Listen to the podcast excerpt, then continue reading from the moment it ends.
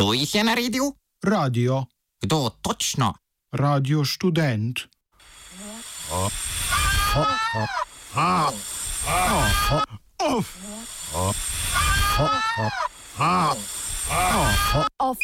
Side.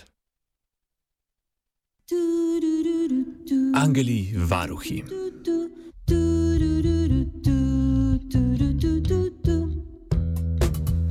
Na včerajšnji izredni seji Državnega sveta Republike Slovenije so državni svetniki s 17 glasovi za in 13 proti izglasovali odložilni veto na novelo zakona o organizaciji in financiranju vzgoje in izobraževanja, ter z 19 glasovi za in 4 proti izglasovali odložilni veto na novelo zakona o nepremičninskem posredovanju. Obe v parlamentu že potrjeni noveli zakona boste sedaj potrebovali absolutno večino glasov, torej najmanj 46. Fokus današnjega offsajda usmerjamo v novelo, ki zadeva nepremičninski trg.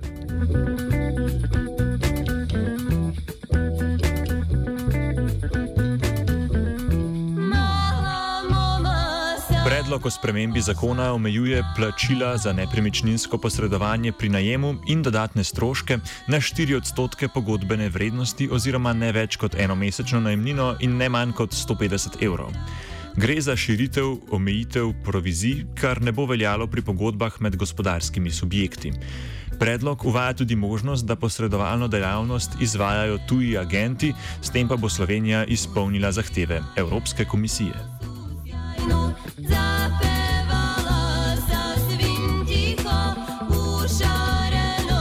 Potem, ko je pristojni odbor z 12 glasovi za in 3 proti potrdil novelo zakona o nepremičninskem posredovanju, je državni zbor 12. julija ta isti zakon sprejel. Predlagateljica zakona, stranka Levica, je 23. aprila v zakonodajni postopek uložila omenjeni predlog, kot obrazložitev predloga pa so navedli, da sta temeljna cilja omogočanje primernega stanovanja državljanom in zagotovitev učinkovitega varstva potrošnikov. Državni svetnik Branimir Štuk, Štrukl o včerajšnjem izglasovanem vetu. No, jaz sem včeraj kot državni svetnik glasoval uh, proti vetu, kot veste je bil ta veto izglasovan. Sam sem trdno prepričan, da je regulacija na tem uh, področju potrebna, tako kot je bila predlagana v zakonu, se ščiti absolutno šipkejšega v teh dogovorih pri uh, najemih uh, nepremičnin. Zato je včerajšnji veto očitna zmaga pritiskov uh, tistih, ki imajo interes, da, ta, da to področje ostane neregulirano in da se pač dobički na tem področju slivajo k lastnikom nepremičnin. Državni svetniki s prvopodpisanim Mitjem Gorenščkom so bili do sprejete novele kritični in so predlagali, da naj državni svet sprejme odložilni veto. Obrazložili so, da po njihovem mnenju prvi deklarirani cilj zakona ni smiselen, saj so cene tako najema kot nakupa nepremičnine visoke zaradi premajhne ponudbe nepremičnin in istočasnega visokega povpraševanja.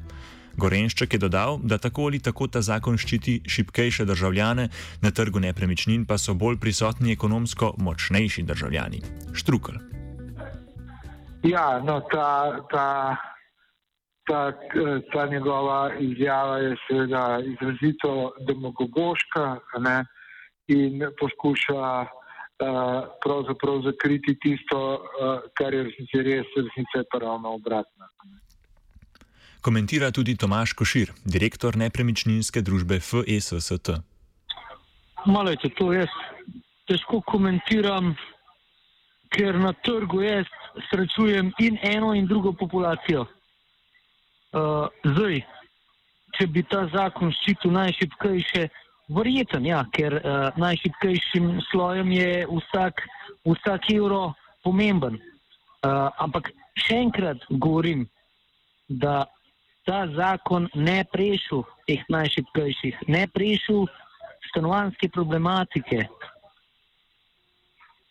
Če, če razumete, kje je poanta država bi mogla čist na drugem koncu začeti, da bi rešila stanovansko problematiko z svojo stanovansko politiko, ko jo pa nimajo.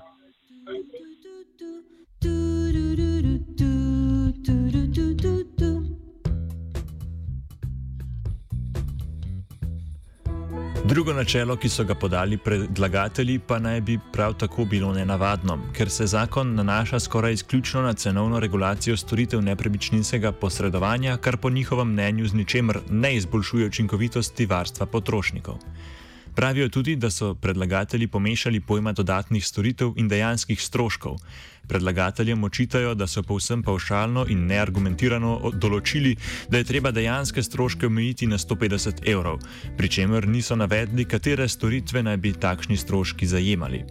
Po pričakovanjih prepričanje z uporniškimi svetniki delijo tudi v nepremičninskih agencijah. Tomaš Košir. Ja, lejte, ne, ne morem drugega reči, ker v bistvu en, en velik nesmisel, ki ne bo delač od tega, da bi rešila problem, za kar se levica zauzema. Uh, lejte, kar, kar, se tiče, kar se tiče stroškov agencij, uh, je v bistvu to minimalen strošek, ki ne bo rešil ne stanovanske politike, pa ne težav mladih pri pr dobivanju stanovanj. Še klečemo, moj mnenje je, da jim bo težjo stvar, ker če bojo zasebniki sami vdajali stanovanja, veste, da se zadeve delajo tako, da kit, niso pogodbe, nimajo dorečenih stvari, a, tako da so najemniki predvsej bolj v negotovem položaju, kot pa če agencije posredujejo. Če agencije posredujejo, res da je ta strošek, ampak mi zmeraj podpišemo pogodbo ali to notarski zapis ali navadna pogodba pri odvetniku uh, in je v bistvu varovan, kar se tiče pravno-formalnih stvari. Uh, druga stvar je ta, da država bi se mogla najprej vprašati, zakaj so najmnine tako visoke. Ena stvar je to obdavčitev najemnin, ki jo zdaj spet predlaga, da jo povišali.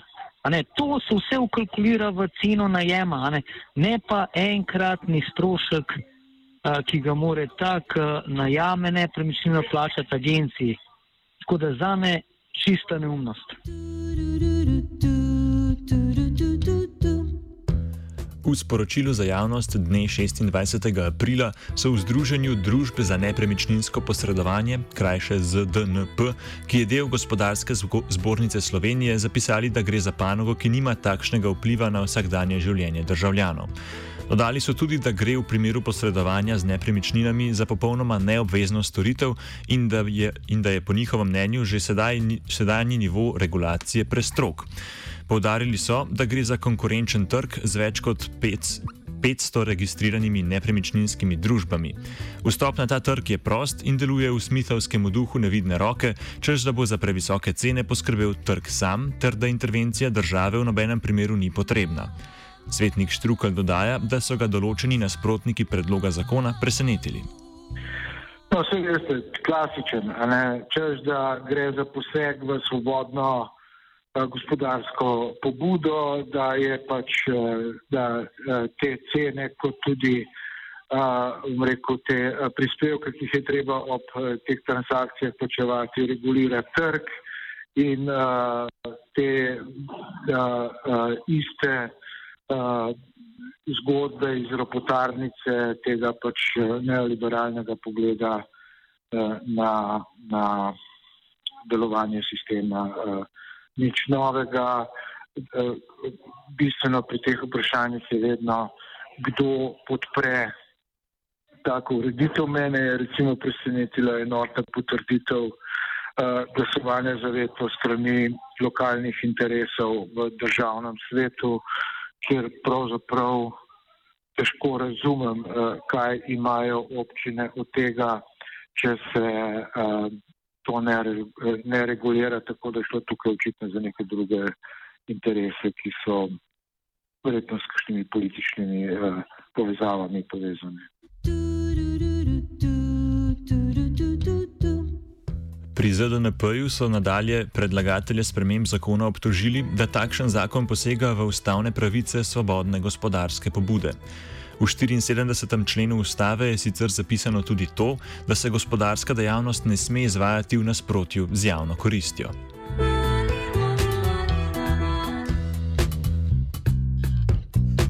Po obstoječi zakonodaji je višina plačila za posredovanje omejena le v primeru nakupa nepremičnine, v primeru najema pa se cena prosto določi. V levici prav tako povdarjajo, da večina plačila ne bi smela biti tako problematična, ne bi bila tako problematična, če se plačilo ne bi skoraj vedno z lasnika prevalilo na najemnika. Košir meni, da gre pri predlogu levice zgolj za nabiranje političnih točk, ki ne rešuje resnih težav trga. Tako, zmeraj se strošek uh, višine posredovanja razdeli pol pol. Zdaj, če je to ena najemnina, se razdela pol na lastnika, pol na najemnika. Če mi dosežemo pogodbo o posredovanju, da se plačata dve najemnine, za posredovanje plača lastnik eno najemnino, pa najemnik eno najemnino. To tega problema, ker mesec gori, nikoli ne bo rešil. Da bi mladi prišli lažje do stanovanj. Prvi stanovanj ni, se mogli država te prvo vprašati, da ne zagotovijo več alternative če bo več stanovanj, bo tudi cena nižja, ker, ker lastniki ne bodo mogli oddati. Ne pa zdaj, v bistvu, če mene vprašate, gospa, je to samo politične, nabiranje političnih točk, vsebina, vsebine pa ni, ker mesec gori. Ker s tem bo rešil nič. Ne samo to. Košir celo trdi, da novela celo poslabšuje položaj mladih, ki iščejo stanovanje. On bo v bistvu še, še na slabšem, bo, ker on bo te mlade družine, ki mu bodo sledili, bo spravil v nek neenakopraven položaj. Če ne bojo hoteli plačati oziroma del tega stroška prevzeti, bojo še težje prišli do stanovanja. Na kakšen način še teže? Ja, zato, ker bo v prednosti tiskaj pripravljen tudi agencijo plačati polovico tega stroška. Polovico lastnik, polovico pa najemnik.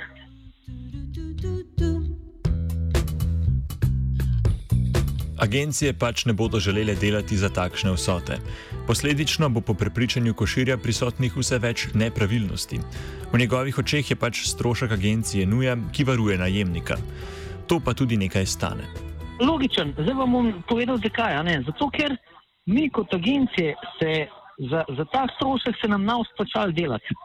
In zasebniki bojo sami vdajali, zdaj itak vdajajo 60% sami pa vemo, kaj se dogaja, razno razne mehinacije, da uh, interesenti za najem zgubijo varščino, ne dobijo stanovanja, pa take zgodbe. In po agencijah je zadeva transparentna. Res, da je agencija strošek, ampak je transparentna. Ko bojo pa enkrat zasebniki sami oddajali, pa najemali, je pa divji trg, tam je pa stvar beseda. A veste, in, in bo predvsej več nepravilnosti, pa, pa slabih praks, pa oškodovanih ljudi. Da so agencije v bistvu naši angeli varuhi, ugotavlja vajenka Anja.